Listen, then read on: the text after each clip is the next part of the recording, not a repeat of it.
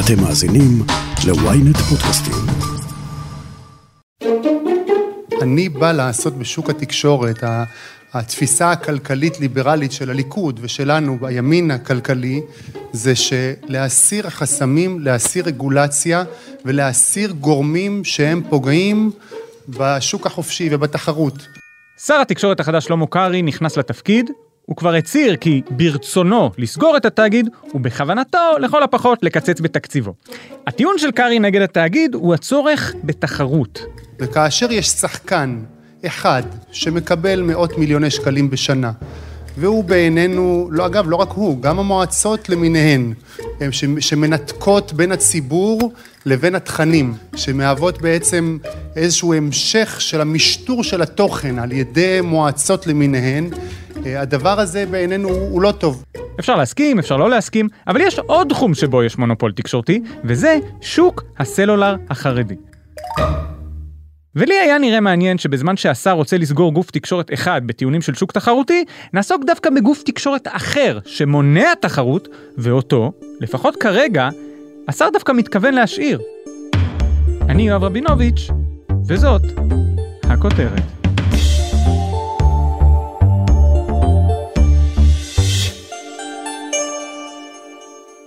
זוכרים את הרפורמה בסלולר, כן? כן, כן, כחלון, בסדר, כחלון. המחירים שלנו צנחו בין השאר כי אנחנו יכולים לנייד מספרים. אנחנו עוברים מחברה לחברה מבלי להחליף מספר טלפון. אבל יש מגזר אחד שהוחרג מהרפורמה הזאת, המגזר החרדי. אנחנו מיד ניכנס לזה, אבל בגדול, חרדים לא נהנים מתחרות בשוק הסלולר, וזה לא אפליה, הם ממש ביקשו את זה, כלומר הנציגים שלהם. יש להם מה שנקרא קווים כשרים. שוב, אנחנו מיד נסביר, לא ניתן לנייד בהם מספרים. שר התקשורת הקודם, יועז הנדל, הוא ניסה לשנות את זה. אבל כבר עם כניסתו של השר החדש, שלמה קרעי לתפקיד, הוא הכריז, בכוונתי לבטל את הרפורמה ולהשיב עטרה ליושנה. בכוונתי לחתום בימים הקרובים על ביטול רפורמת הקומה הכשרה. לא נתערב בהחלטות של אף משתמש ואף מגזר. מדיניות המשרד תחתיי תותיר את החופש בידי האזרח. חופש! בידי האזרח! רגע, זה לא בדיוק הפוך.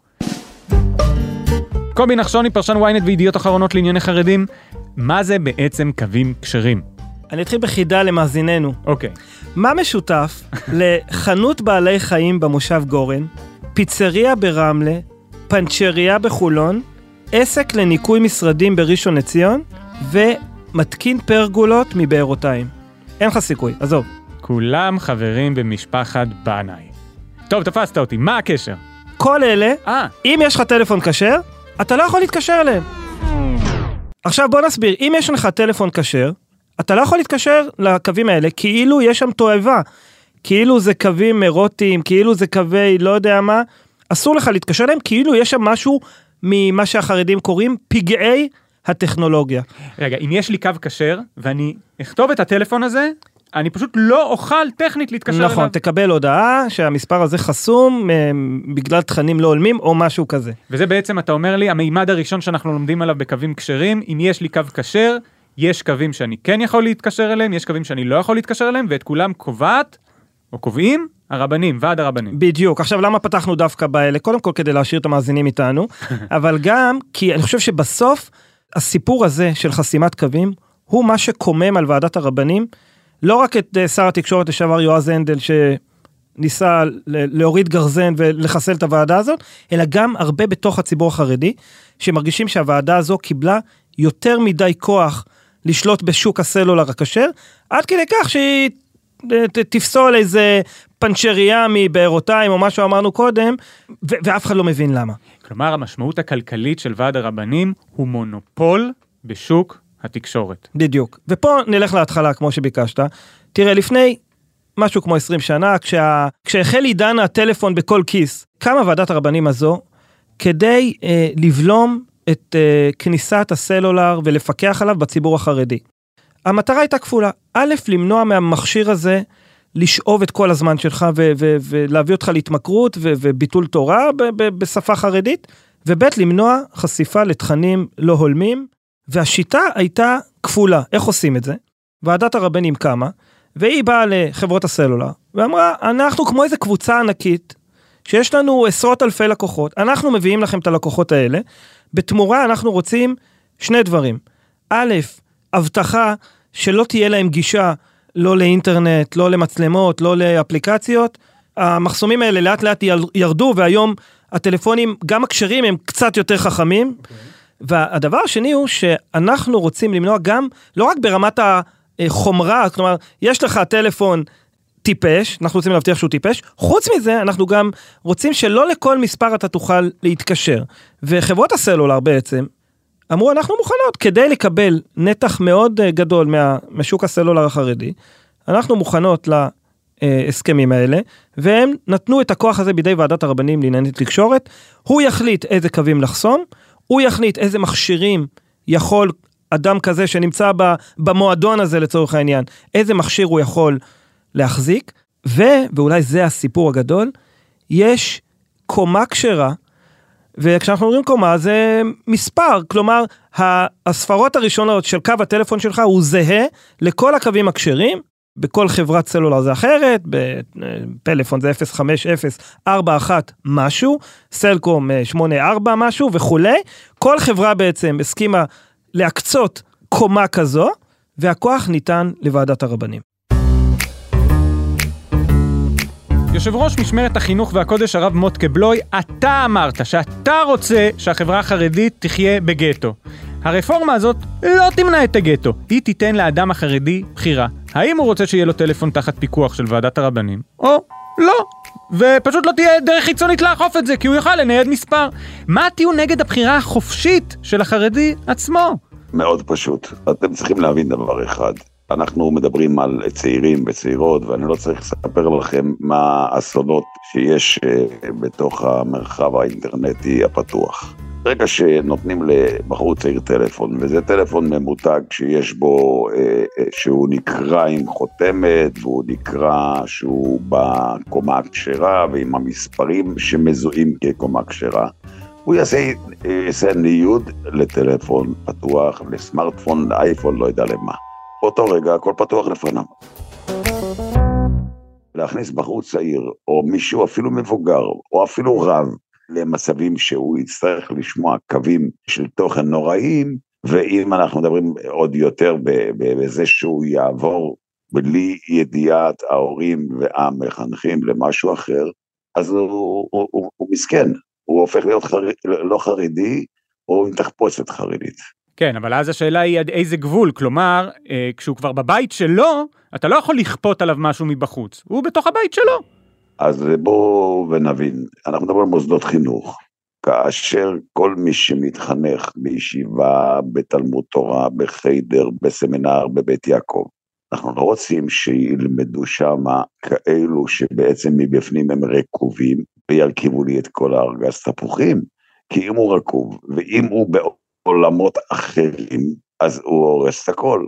כל הורה וכל תלמיד צריך לעמוד בקודים חרדיים של מועדון יוקרתי שנקרא חרדי.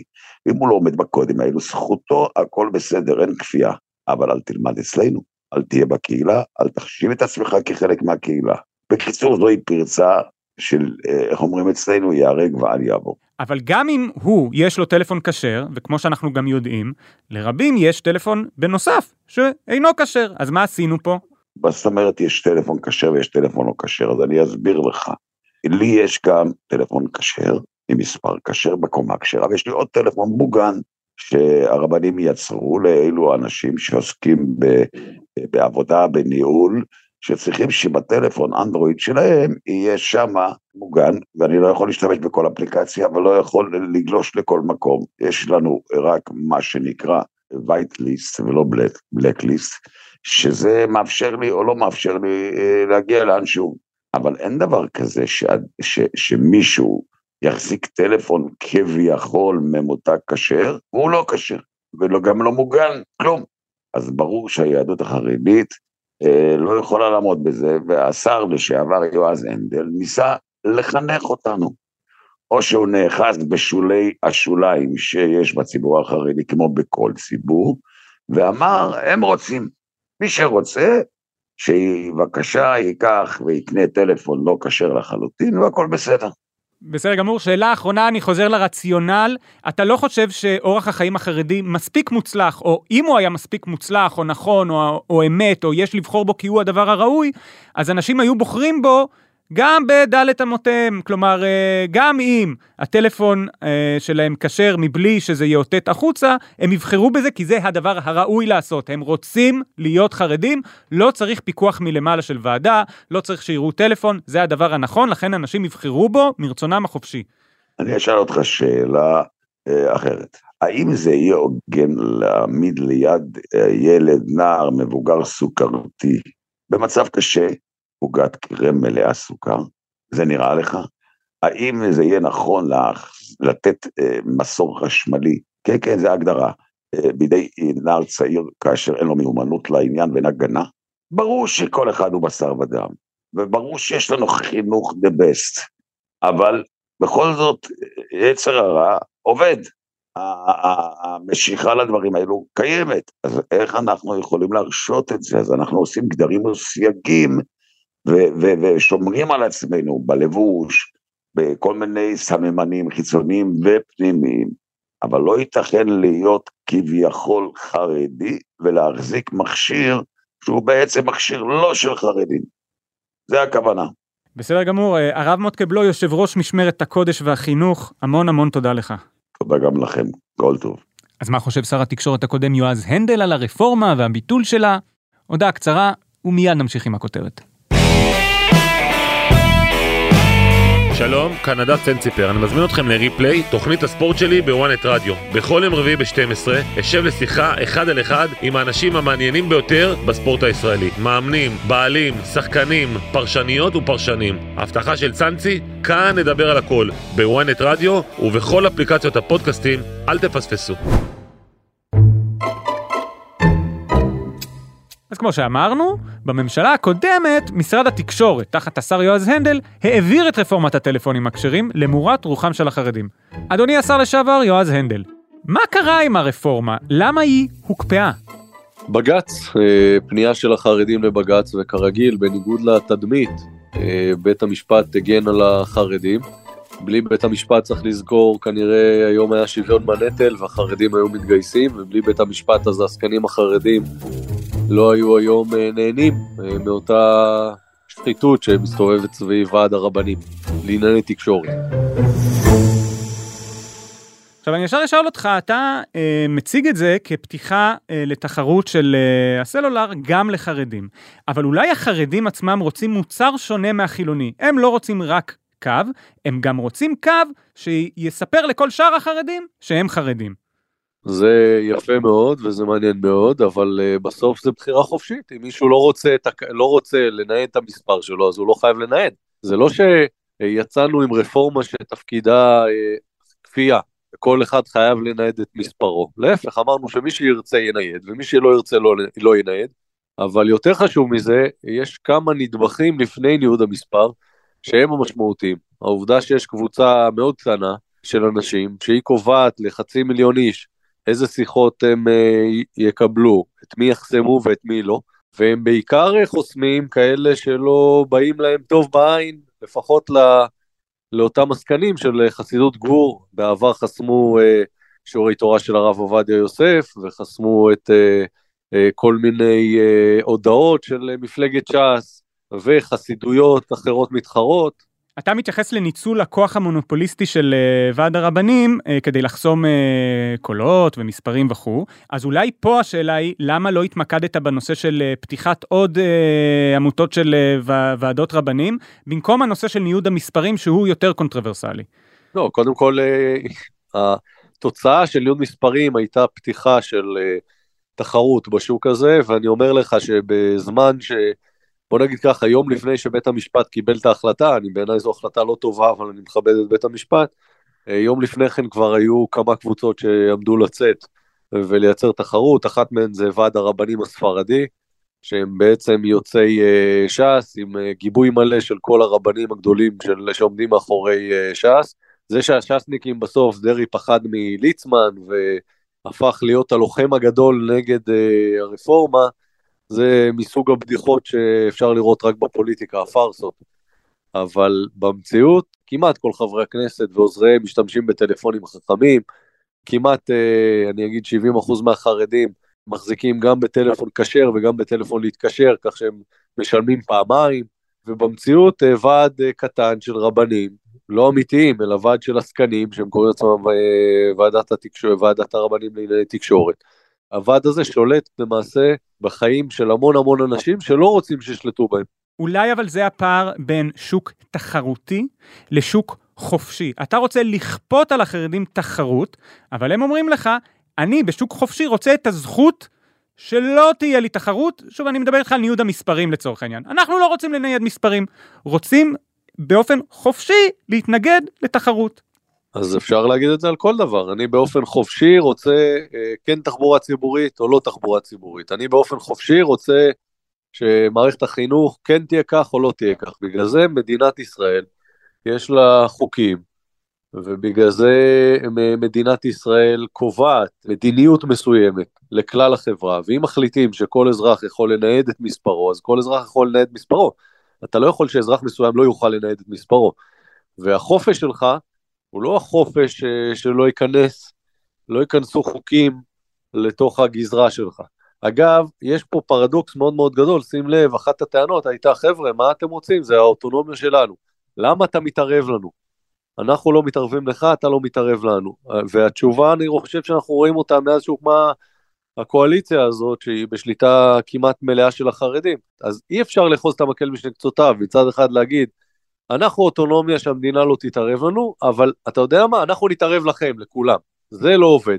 המדינה צריכה לדעתי להיות בכל מקום, אה, זה לא לדעתי, כך בנויות דמוקרטיות, וגם אם אתה חושב שאתה אה, נגד אה, תחרות בשוק הטלפונים, זה לא החלטתך, אלא זה המדינה מחליטה. שר התקשורת לשעבר יועז הנדל, המון המון תודה לך שהיית איתנו. תודה לך. קובי נחשוני בחזרה אליך, אמרת שהרחוב החרדי מתנגד למונופול של ועדת הרבנים, אבל לפחות בעיניים הבלתי מזוינות שלי, כחילוני שצופה בחדשות, זה נראה שכל שני וחמישי יש הפגנות נגד חנות סלולר שמוכרת מכשירים לא כשרים. איפה בא לידי ביטוי התמיכה של הציבור בוועדת הרבנים? זה נראה כאילו הציבור החרדי לא מעוניין בתחרות בשוק הסלולר החרדי. טוב, אז קודם כל צריך לומר שההפגנות האלה שמתקיימות, אה, אתה תוכל לראות אותן כל ערב בירושלים או בבני ברק, הם בסופו של דבר זה של גורמים קיצוניים. נפלתי בהכללה, אוקיי. לא, מאה אחוז. בסופו של דבר החרדי הממוצע, אני חושב שרוצה רמת כשרות נמוכה יותר ממה שהוא מקבל היום. הוא כן רוצה למשל וואטסאפ, זה טוב לו לעבודה, זה טוב, טוב לו במשפחה, זה טוב לו לדברים אחרים. זאת אומרת, ה, אני חושב שאין הרבה חרדים שמסכימים עם הקו המאוד מאוד מחמיר של ועדת הרבנים לענייני תקשורת, ובכל זאת היה פה איזשהו ציפוף שור, שורות, איזשהו אישור קו, כי מול זה הייתה ממשלת השמד שבאה לחנך אותנו ולהכניס לנו טיק טוק לכל בית. אבל ברגע שהחרדים הגיעו לשלטון עכשיו, והבינו שהרפורמה תתבטל, ואנחנו כבר על הסוס, ואנחנו על ההגה, והמושכות אצלנו, אנחנו נבטל אותה, פה התעוררו השאלות גם, האם לא לנצל את ההזדמנות הזו כדי בכל זאת לעשות תחרות בפנים בין החסידים לליטאים, בין האשכנזים לספרדים, בין הקהילות השונות. זה לא היה השר הנדל, זה היה שר מממשלה ימנית, אמונית, לאומית, איך שלא תקרא לזה. אתה חושב שהם היו מסכימים לניוד מספרים, או שהנושא הזה הוא כן טאבו מדי כרגע? ניוד המספרים עצמו הוא טאבו, כי הוא תעודת זהות חרדית. עכשיו, אה, אה, אומר יועז הנדל, או אומרת הממשלה, אני צריכה לספק לכם תעודת זהות חרדית. תמצאו את הדרך אתם בקהילה לפקח מי ראוי להשתדך איתנו ומי ראוי להיכנס למוסדות שלנו. זה באמת לא תפקיד של המדינה, אבל מבחינת החרדים הם התרגלו, הם התרגלו למצב שבו המספר מעיד עליך, נותן לך חותמת כשרות שאתה חרדי, עוד מעבר לשאלת התכנים, מה יהיה ומה לא יהיה בטלפון שלך, תעודת הזהות הזאת זה משהו שהם לא מוכנים לוותר עליו, ואנחנו יודעים כמה הרבנים והעסקנים בציבור החרדי צריכים את הכוח הזה, אפילו כדי להנהיג קהילה, אתה צריך לדעת שהקהילה איתך, שהיא באמת שומרת על הסטנדרטים האלה בנושאים של חשיפה לתכנים אה, שנויים במחלוקת. ולכן בנושא ניוד המספרים, אני חושב שיש תמימות די מקיר לקיר בחברה החרדית, אנחנו עדיין צריכים מספרים מיוחדים, ושאף אחד לא יוכל ללכת איתם למסלול פרוץ אחר. השאלה שעדיין במחלוקת, זה מי יהיה גוף הכשרות, מי תהיה ועדת הרבנים שמפקחת מה יש לך בתוך הטלפון. קובי נחשוני, פרשן ynet וידאו אחרונות לענייני חרדים. המון המון תודה לך. תודה, תודה.